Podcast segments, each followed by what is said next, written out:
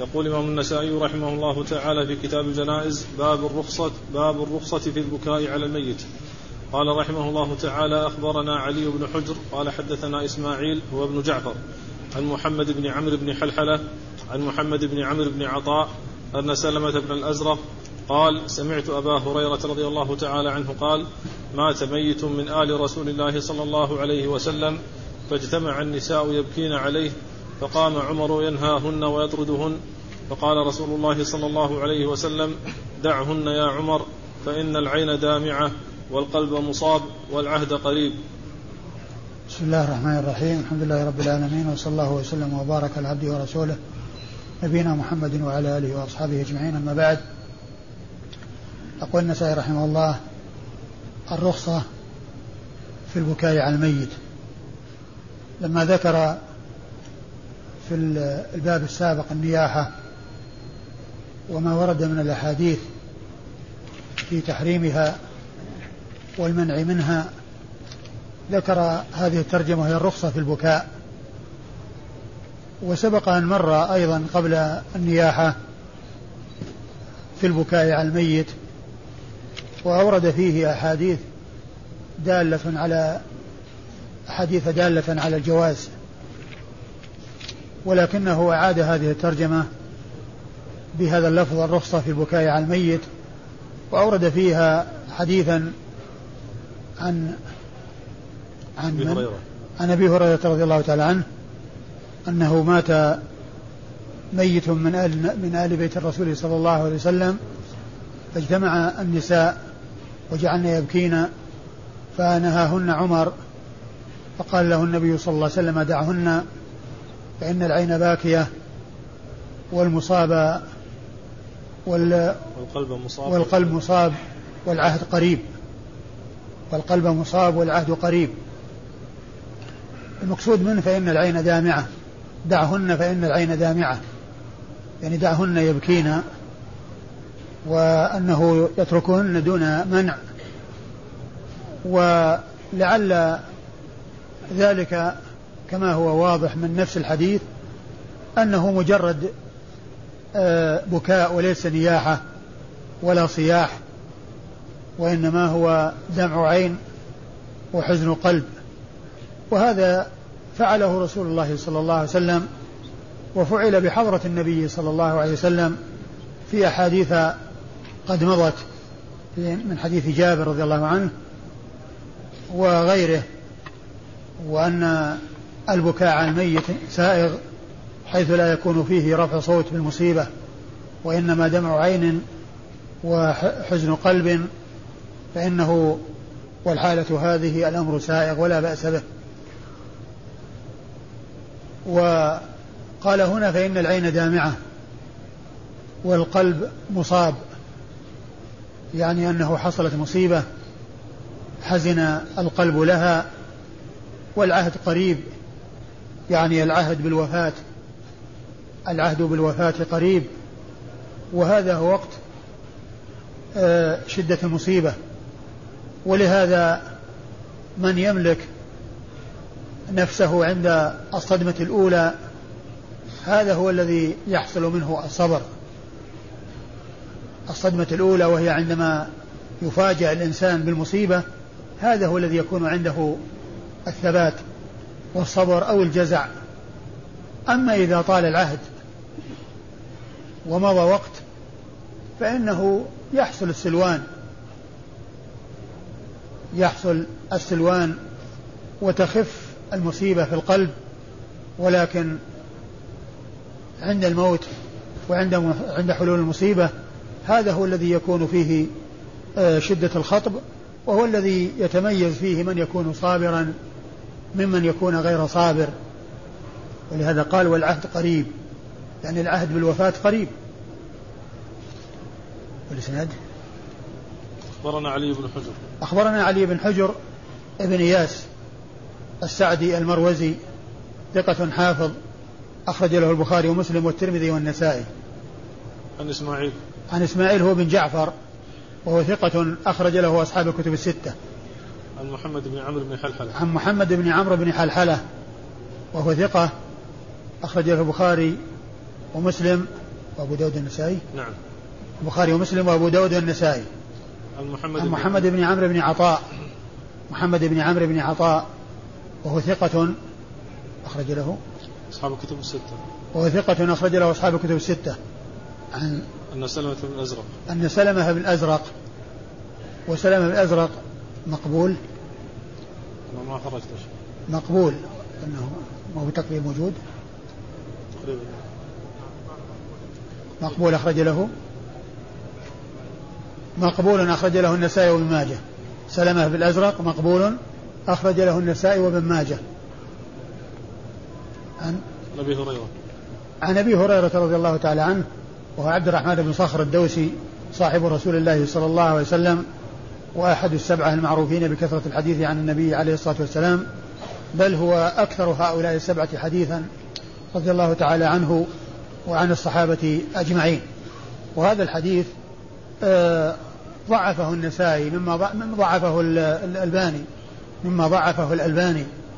ولكن ولا أدري يعني وجه تضعيفه. والحديث يعني كما هو معلوم موضوعه أو معناه دل عليه أحاديث دل عليه أحاديث سبقت ومرت ذكرها النسائي وأشياء لم يذكرها النسائي وهي صحيحة ثابتة عن النبي صلى الله عليه وسلم ومن ذلك بكاؤه هو على ابن إبرا... على ابنه إبراهيم وقوله إن العين تدمع والقلب يحزن ولا نقول إلا ما يرضي ربنا وإنا لفراقك يا إبراهيم لمحزونون. فالبكاء ثابت ودمع العين جاءت السنة في الدلالة عليه. ف يعني معناه وما اقتضاه الحديث وما دل عليه الحديث هو ثابت في أحاديث أخرى عن رسول الله صلى الله عليه وسلم. وقال رحمه الله تعالى دعوى الجاهلية. قال رحمه الله أخبرنا علي بن خشرم قال حدثنا عيسى عن الأعمش قال وأخبرنا الحسن بن إسماعيل قال حدثنا ابن إدريس عن الأعمش عن عبد الله بن مرة عن مسروق عن عبد الله رضي الله تعالى عنه قال قال رسول الله صلى الله عليه وسلم ليس منا من ضرب الخدود وشق الجيوب ودعا بدعاء الجاهلية واللفظ لعلي وقال الحسن بدعوى ثم أورد النسائي آه، دعوى الجاهلية. ترجمة وهي الدعاء بدعوى الجاهلية. والجاهلية هي ما كان قبل عهد الرسول صلى الله عليه وسلم وكان عندهم أمور اعتادوها وقد جاء الإسلام بتحريمها والمنع منها. ومن ذلك آه، ما كانوا يفعلونه من رفع الصوت بذكر الشخص ومآثره وندبته وما إلى ذلك من الأشياء التي كانوا يفعلونها.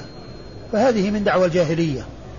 وقد جاء الإسلام بمنعها كما جاء في منع أخرى بمنع أمور أخرى آه، تحصل عند المصيبة مثل شق الجيوب وحلق الرؤوس ورفع الصوت فإن هذا هذه أمور جاءت السنة عن رسول الله صلى الله عليه وسلم بمنعها وتحريمها بل وبكونها من الكبائر. لأنه ورد اللعن فيها. وهنا أورد النسائي حديث آه، عبد الله بن مسعود رضي الله عنه. ليس منا من ليس منا من ضرب الخدود. ضرب الخدود وشق الجيوب ودعا بدعوى الجاهلية. قال وهذا اللفظ لعلي ولفظ آه، آه، ودعا بدعاء الجاهلية اللفظ لعلي. ودعا بدعاء الجاهلية اللفظ لعلي وإسماعيل. قال الحسن بدعوى والحسن ابن إسماعيل. ثم الحسن بن إسماعيل؟ قال دعوى يعني معناه أن الشيخين اللذين روى الحديث النسائي عنهما اختلفا في هذه الكلمة. فشيخه الأول وهو علي بن خشرم أتى بالتعبير بدعاء. وشيخه الثاني في الإسناد الثاني الحسن بن إسماعيل أتى بدعوى. وهما بمعنى واحد. وقد عقد الترجمة على لفظ اسماء الحسن بن إسماعيل وهو دعوى الجاهلية. وهذا هو المشهور في الروايات دعوى الجاهلية. فالنبي صلى الله عليه وسلم يقول ليس منا من ضرب الخدود يعني تأثرا عند المصيبة وشق الجيوب.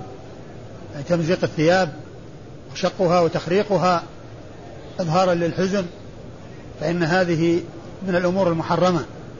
وكذلك الدعاء بدعوى الجاهلية وهي رفع الصوت أو ذكر ما كان فعل ما كان يفعلها الجاهلية من ذكر الأشخاص عند موتهم وبيان محاسنهم وإظهار التفجع عليهم والاتيان بأمور كان أهل الجاهلية يعتادونها. فنهى عن ذلك رسول الله صلى الله عليه وسلم وقال ليس منا. وقوله ليس منا يعني ليس ممن هو على منهجنا وعلى طريقتنا وعلى سنتنا. وليس معنى ذلك أنه ليس من المسلمين لأنه لي لم يخرج من حصل ذلك منه. لا يكون كافرا ولكنه مرتكب كبيرة من كبائر الذنوب. لأن النبي صلى الله عليه وسلم لعن كما أنه هنا قال ليس منا فقد لعن من فعل تلك الأمور كما في أحاديث جاءت عن رسول الله صلى الله عليه وسلم. وإذا فالمقصود بليس منا يعني ليس من المسلم ليس المقصود منه أنه ليس من المسلمين وأنه يكون كافرا وأن النفي إنما هو هنا لكمال الإيمان وليس لأصل الإيمان. وأن والنفي لمن يكون على المنهج والطريقة والسنة التي جاءت عن النبي صلى الله عليه وسلم من ترك هذه الأمور والابتعاد عن هذه الأمور التي هي من أمور الجاهلية ومن أعمال الجاهلية.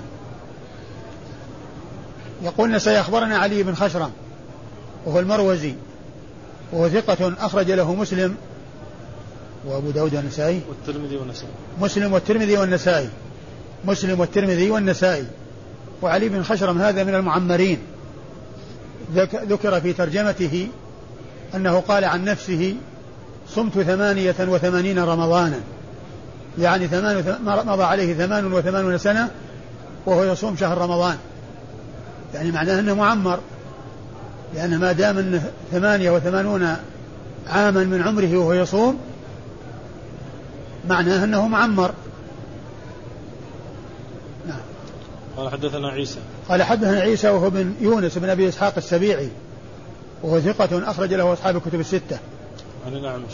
عن الأعمش سليمان بن مهران الكاهلي الكوفي وهو ثقة أخرج حديثه أصحاب الكتب الستة. والأعمش لقب اشتهر به سليمان بن مهران الكاهلي. ومعرفة ألقاب المحدثين نوع من أنواع علوم الحديث. فائدة معرفة هذا النوع ألا يظن الشخص الواحد شخصين فيما إذا ذكر باسمه مرة وبلقبه أخرى فإن من لا يعرف يظن أن الأعمش شخص وأن سليمان بن مهران شخص آخر. حاء وأخبرني الحسن بن إسماعيل. ثم قال حاء وأخبرني الحسن بن إسماعيل. الحسن والحاء هذه تدل على التحويل أي التحول من إسناد إلى إسناد. يذكر إسنادين ثم يلتقي يلتقي الإسنادان عند شخص واحد. ثم يتحدان إلى نهاية الإسناد.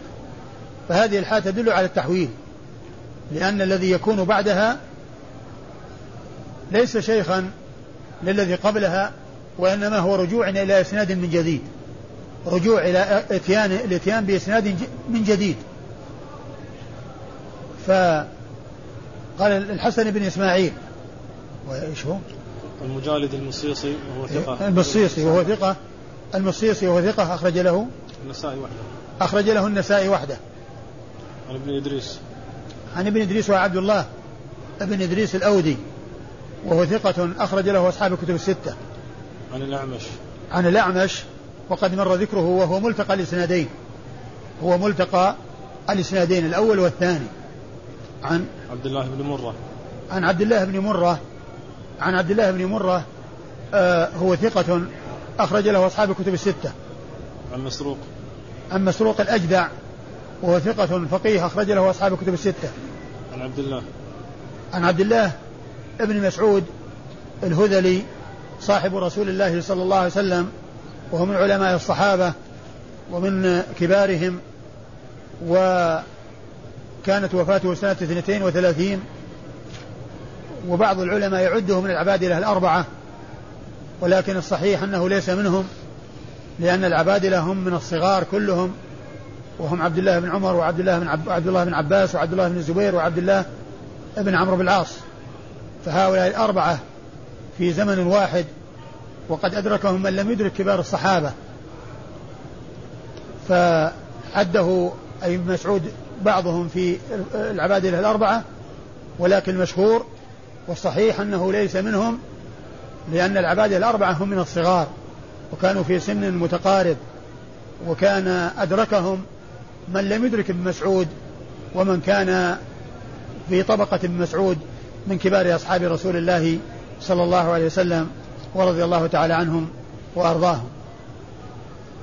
وقال رحمه الله تعالى السلق.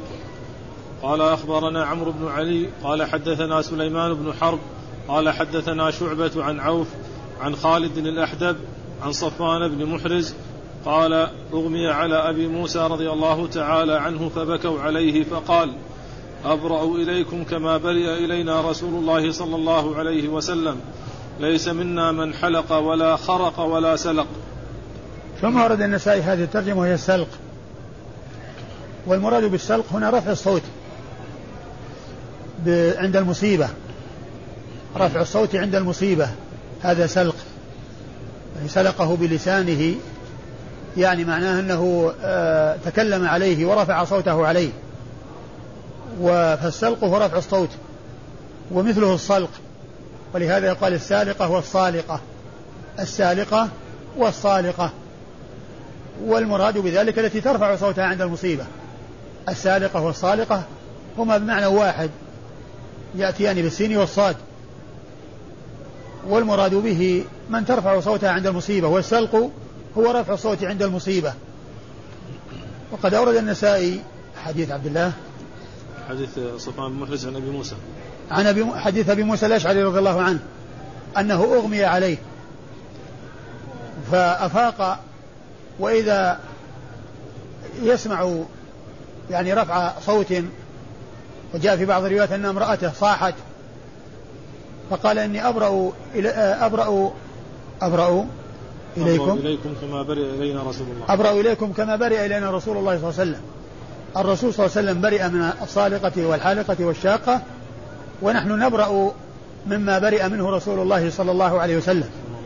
يعني أننا ننكر هذا ونعيبه ولا نرضاه وننكر على من يحصل منه ذلك لأن الواجب هو اتباع الرسول صلى الله عليه وسلم.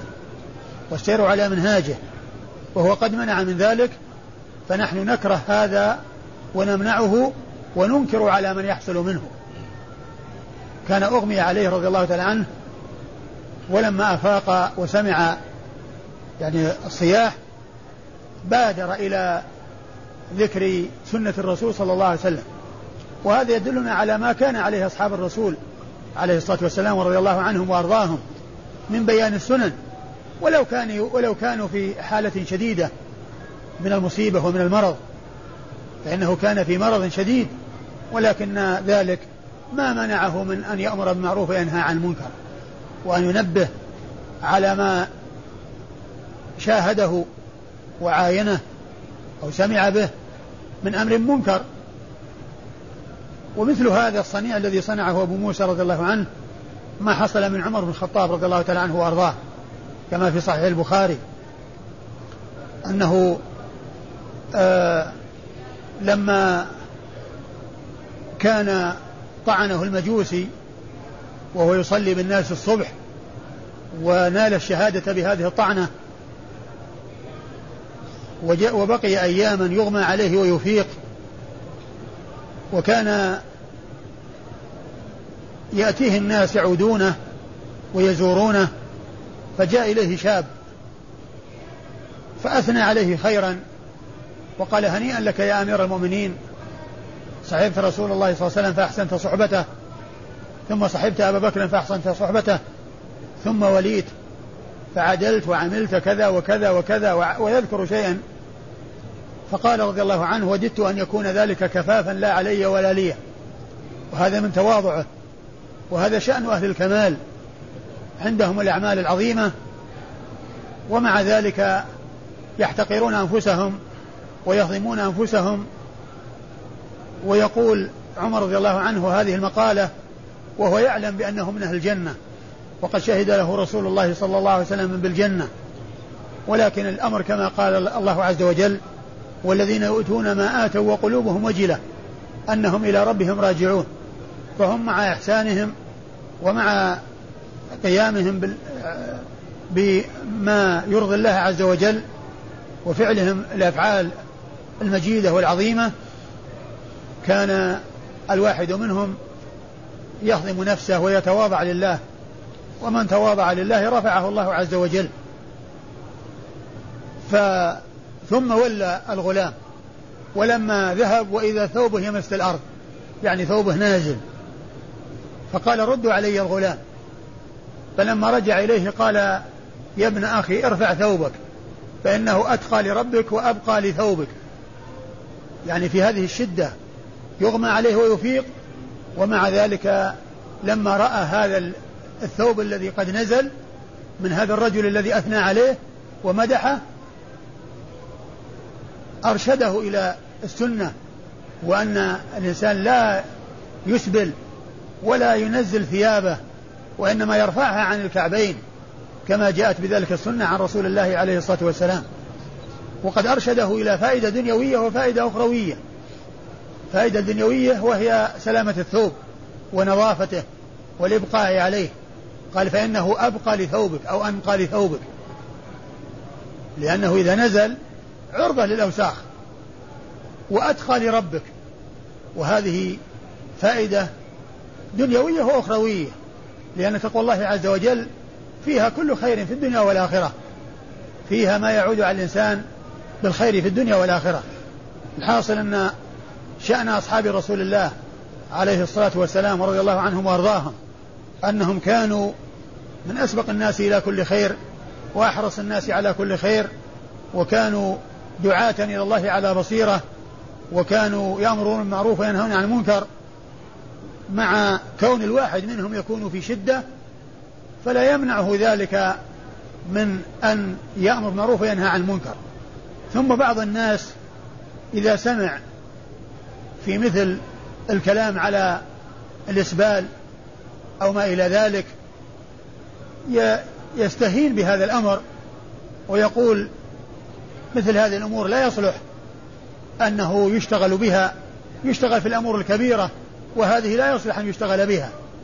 ويقولون إن, إن الدين لباب وقشور وهذه من القشور. فيعتنى باللباب وتترك القشور. هذا كلام باطل. الدين كله لباب. وليس فيه شيء يستهان به. لا شك أن, أن بعضه أهم من بعض. لكن ليس معنى ذلك أن أنه يترك الأمر الذي هو دون دون غيره. وإذا وجد الأمران الكبير والذي هو دونه فطبعا ينبه على ما هو أكبر قبل أن ينبه على ما هو أصغر ويبدأ بالأهم فالأهم. لكن لا يجوز أن يقال أن في الدين لباب وقشور وأن هناك قشور يعني هي من الدين ويقال لها قشور هذا كلام من أبطل الباطل وكلام في غاية السوء. بل الدين كله خير وكله لباب. نعم يمكن أن يقال يعني أمور بعضها أهم من بعض ويبدأ بالأهم فالأهم هذا كلام صحيح.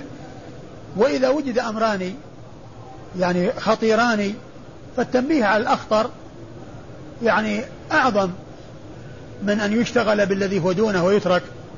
إذا كان الإنسان الذي فيه هذا الأمر يعني عنده أمران أحدهما أخطر من الثاني. فلا شك أنه ينبه على ما هو الأخطر قبل أن ينبه على ما هو دونه. الحاصل أن أصحاب رسول الله صلى الله عليه وسلم هم آه، خير الناس بعد رسول الله صلى الله عليه وسلم وبعد بعد الرسل الكرام هم خير هذه الأمة التي هي خير الأمم. وهذا هو شأنهم وهذه طريقتهم وهذا منهجهم. دعاة إلى الخير لا تأخذهم في الله لومة لائم رضي الله تعالى عنهم وأرضاهم. أخبرنا عمرو بن علي. أخبرنا عمرو بن علي هو الفلاس. البصري ثقة. أخرج له أصحاب الكتب الستة بل هو شيخ لأصحاب الكتب الستة روى عنه مباشرة بدون واسطة. عن سليمان بن حرب. عن سليمان بن حرب البصري وهو ثقة ثبت أخرج له أصحاب الكتب الستة. عن شعبة. عن شعبة بن الحجاج الواسطي ثم البصري وهو ثقة ثبت وصف بأنه أمير المؤمنين في الحديث وحديثه أخرجه أصحاب الكتب الستة. عن عوف. عن عوف بن أبي جميلة الأعرابي وهو ثقة أخرج له أصحاب الكتب الستة. عن خالد الأحدب. عن خالد الأحدب؟ الأحدب. عن خالد الأحدب. ما أدري أحد منكم وقف على ترجمته. خالد بن عبد الله بن محرز المازني الأثبج الأحدب البصري صدوق أخرج له مسلم والنسائي. الأثبج؟ نعم. يعني في تقريب؟ تقريب نعم. ما أدري على النسخة التي التي عندي ما فيها الأحدب اللي هي المصرية. خالد بن إيش؟ في الترجمة نفسها؟ إيه. ما ذكر الأحدب أيوه. كيف عرفت أجل؟ آه. هو ما في غيره. منين؟ ما في غيره لا بس كيف ما في غيره؟ ما في غير الأحدب ذكر في في واحد اسمه الأحدب واصل. لا ذاك واصل واصل. واصل بن حيان الأحدب نعم. بس ما في غير أحدب إيه لكن بس يعني كيف عرفنا أن هذا هو الأحدب؟ ما أدري لكن ما ما أذكر غيره فين؟ تهذيب الكمال يعني سمى أباه؟ ها؟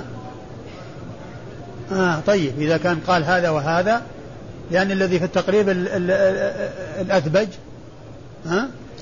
الأثبج نعم كلمة الأثبج هذه موجودة في التقريب وما الأحدب هي موجودة لكن إذا كان ها؟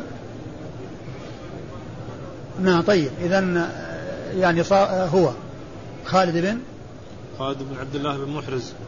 خالد بن عبد الله بن محرز المازني. المازني. البصري. إيش قال عنه؟ صدوق أخرج له مسلم والنسائي. صدوق أخرج له مسلم والنسائي. صدوق أخرج له مسلم والنسائي. أيوه. عن صفوان بن محرز. آه أيضا. أي ابن أخي صفوان. خلاص هذا واضح. نعم. عن صفوان بن محرز. لأن في آه، تحفة الأشراف ما زاد على أن قال حادث خالد الأحدب ما زاد على أن قال خالد الأحدب كما هنا. نعم. عن صفوان بن محرز. عن صفوان بن محرز وهو المازني ثقة عابد خرجه أيوه؟ الستة إلا أبو داود. وهو ثقة عابد خالد بن محرز المازني وهو ثقة عابد أخرج له أصحاب الكتب الستة إلا أبا داود. نعم. أيوه. عن أبي موسى. عن أبي موسى وهو عبد الله بن قيس الأشعري. صاحب رسول الله صلى الله عليه وسلم وهو مشهور بكنيته ونسبته واسمه عبد الله بن قيس رضي الله تعالى عنه وأرضاه وحديثه أخرجه أصحاب الكتب الستة. قال رحمه الله تعالى ضرب الخدود. قال أخبرنا محمد بن بشار. قال حدثنا يحيى. قال حدثنا سفيان.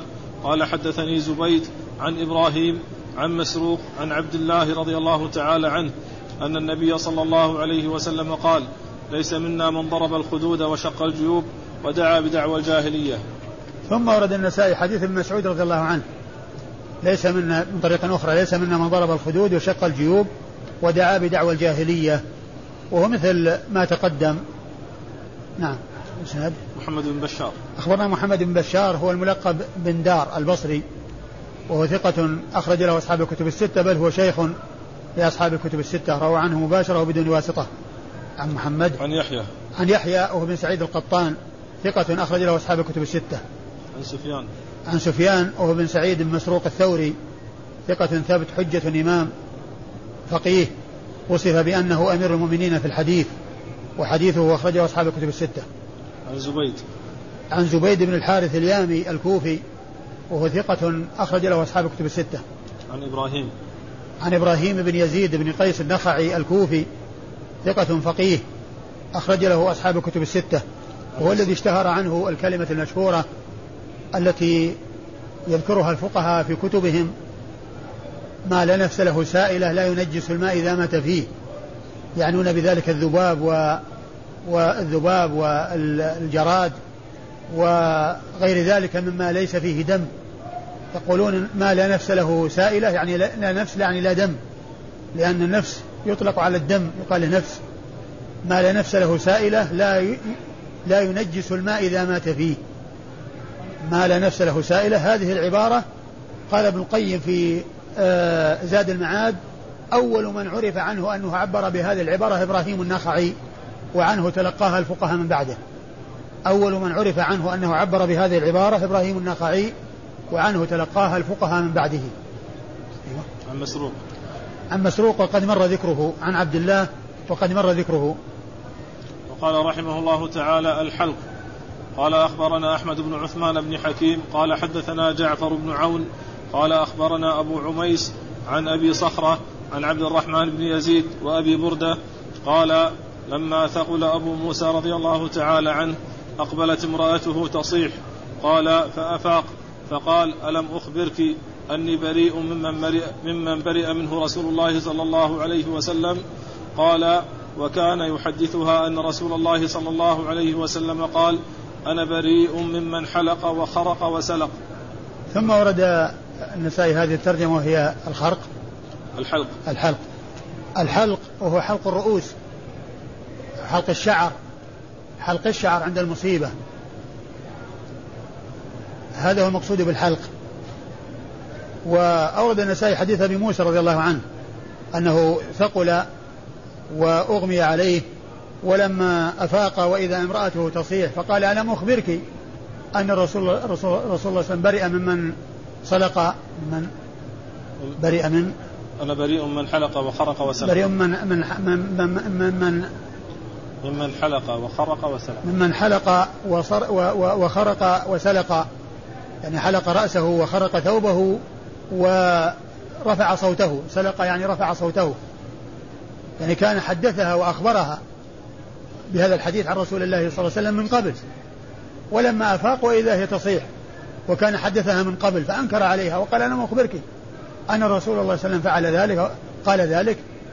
ألم أخبرك كان يحدثها أن رسول ها؟ كان يحدثها أن الرسول صلى الله عليه وسلم. وكان يحدثها يعني من قبل. يعني وكان يحدثها من قبل أن النبي صلى الله عليه وسلم برئ ممن آه، حلق وخرق وسلق. أيوه. أخبرنا أحمد بن عثمان بن حكيم. أخبرنا أحمد بن عثمان بن حكيم. أحمد بن عثمان بن حكيم. هو ثقة أو صدوق؟ في ثقة. ثقة. ثقة أخرج له البخاري ومسلم والنسائي وابن ماجه. البخاري ومسلم والنسائي وابن ماجه. عن جعفر بن عون. عن جعفر بن عون. وهو ثقة صدوق. وهو صدوق؟ نعم. أخرج له؟ أصحاب الكتب الستة. وهو صدوق أخرج له أصحاب الكتب الستة. عون بن جعفر بن عون بن, بن جعفر. صدوق أخرج له أصحاب الكتب الستة. عن أبو عم... عن أبي عميس. وعندكم في نسخة عوف. عوف وهو عون. أيوه. عن أبي عميس. عن أبي عميس وهو عتبة بن عبد الله المسعودي الكوفي وهو ثقة أخرج له أصحاب الكتب الستة. عن أبي صخرة. عن أبي صخرة جامع بن شداد وهو ثقة أخرج له أصحاب الكتب. نعم. وهو ثقة أخرج له أصحاب الكتب الستة. عن عبد الرحمن بن يزيد. عن عبد الرحمن بن يزيد بن قيس النخعي الكوفي وهو ثقة أخرج له أصحاب الكتب الستة. وأبي بردة. عن أبي بردة. وأبي بردة. وأبي بردة يعني عبد الرحمن بن يزيد وأبي بردة. أبو بردة هو ابن أبي موسى. هو ابن أبي موسى مشهور بكنيته. وقيل إن اسمه عامر وقيل غير ذلك وهو ثقة أخرج له أصحاب الكتب الستة. عن أبي موسى. عن أبي موسى وقد مر ذكره. قال رحمه الله تعالى شق الجيوب. قال أخبرنا إسحاق بن منصور. قال حدثنا عبد الرحمن. قال حدثنا سفيان. عن زبيد. عن إبراهيم. عن مسروق. عن عبد الله رضي الله تعالى عنه. عن النبي صلى الله عليه وسلم قال ليس منا من ضرب الخدود وشق الجيوب ودعا بدعوى الجاهلية. ثم ورد النسائي حديث مسعود وهو مثل ما تقدم إلا أنه ورد هنا لهذه الترجمة وهي شق الجيوب. و وإسناد الحديث يقول النسائي أخبرنا إسحاق بن منصور وهو الكوسج المروزي ثقة أخرج له أصحاب الكتب الستة إلا أبا داود. نعم. أصحاب الكتب الستة إلا أبا داود. عن عبد الرحمن. عن عبد الرحمن بن مهدي البصري ثقة ثبت أخرج له أصحاب الكتب الستة. عن سفيان. عن سفيان الثوري وقد مر ذكره. عن زبيد. عن زبيد وقد مر ذكره أيضا. عن إبراهيم عن مسروق. عن, عن إبراهيم عن مسروق عن عبد الله وقد مر ذكرهم. قال رحمه الله تعالى أخبرنا محمد بن المثنى. قال أخبرنا محمد. قال حدثنا شعبة عن منصور عن إبراهيم عن يزيد بن أوس عن أبي موسى رضي الله تعالى عنه أنه أغمي عليه فبكت أم ولد له فلما أفاق قال لها أما بلغك ما قال رسول الله صلى الله عليه وسلم؟ فسألناها فقالت قال ليس منا من سلق وحلق وخرق. ثم ورد النسائي حديث أبي موسى رضي الله عنه وهو مثل ما تقدم إلا أنه هنا أورده في شق الجيوب. أو نفس باب شق الجيوب. في باب شق الجيوب.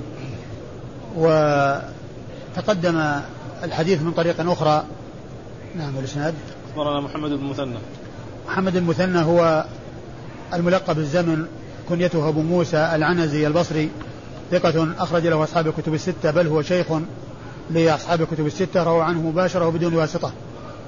عن محمد. عن محمد هو بن جعفر الملقب غندر البصري. وإذا جاء محمد يروي عن شعبة ويروي عنه محمد المثنى أو محمد البشار فالمراد به محمد بن جعفر الملقب غندر وهو ثقة أخرج له أصحاب الكتب الستة. عن شعبة وقد مر ذكره. عن منصور. عن منصور بن المعتمر الكوفي وهو ثقة أخرج له أصحاب الكتب الستة. عن إبراهيم. عن إبراهيم عن عن يزيد بن أوس. عن إبراهيم وهو النخعي وقد مر ذكره. عن يزيد بن, بن أوس وهو مقبول. نعم. أخرج له أبو داود النسائي. نعم أبو داود النسائي. مقبول يزيد بن أوس أخرج له مقبول أخرج حديثه أبو داود النسائي. عن أبي موسى. عن أبي موسى وقد مر ذكره. قال رحمه الله تعالى أخبرنا عبدة بن عبد الله قال حدثنا يحيى بن آدم قال حدثنا إسرائيل عن منصور عن إبراهيم عن يزيد بن أوس عن أم عبد الله امرأة أبي موسى رضي الله تعالى عنهما عن أبي موسى رضي الله تعالى عنه قال قال رسول الله صلى الله عليه وسلم ليس منا من حلق وسلق وخرق.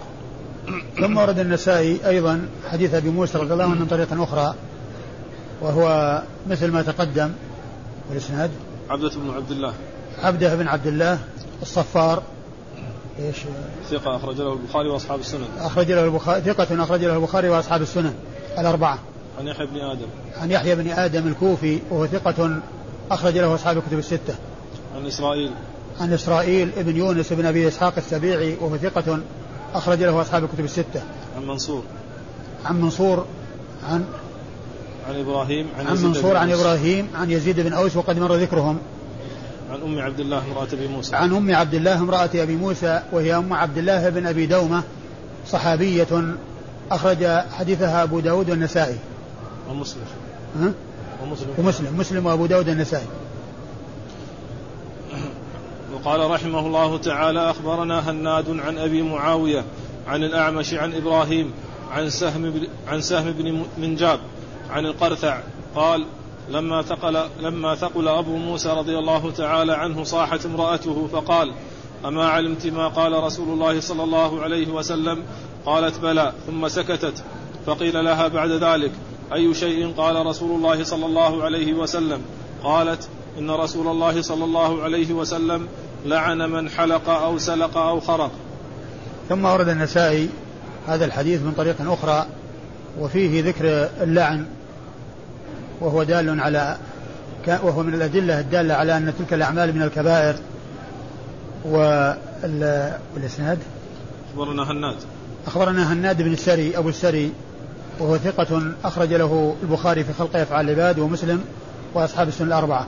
عن أبي معاوية. عن أبي معاوية هو محمد بن خازم الضرير الكوفي وهو ثقة يدلس أخرج حديثه أصحاب الكتب الستة. ما ذكر عنه تدليس. التقريب وش اللي فيه؟ قال ثقة أحفظ الناس لحديث الأعمش وقد يهم في حديث غيره من كبار التاسعة ما في تدليس؟ ما في تدليس؟ نسختنا الشامية ما فيها ذكر التدليس. إيش قال عندك؟ ثقة ثقة أحفظ الناس لحديث الأعمش وقد يهم في حديث غيره. أخرج حديثه أصحاب الكتب الستة هو محمد بن خازم الضرير. يعني في بالي أن فيه التدليس ما نعم. عن الأعمش وقد مر ذكره. عن إبراهيم. عن إبراهيم وقد مر ذكره. عن سهم بن منجاب. عن سهم عن سهم بن بن منجاب سهم بن ابن منجاب وهو ثقة أخرج له آه، مسلم وأبو داود في آه، وأبو داود والترمذي في الشمائل والنسائي وابن ماجه. عن القرثع. عن القرثع الضبي الكوفي وهو آه، ثقة صدوق وهو صدوق أخرج له أبو دا أخرج له أبو داود والترمذي في الشمائل والنسائي وابن ماجه. عن عن أبي موسى؟ عن. نعم نعم عن أبي موسى. والله تعالى أعلم وصلى الله وسلم وبارك على عبده ورسول نبينا محمد وعلى آله وأصحابه أجمعين.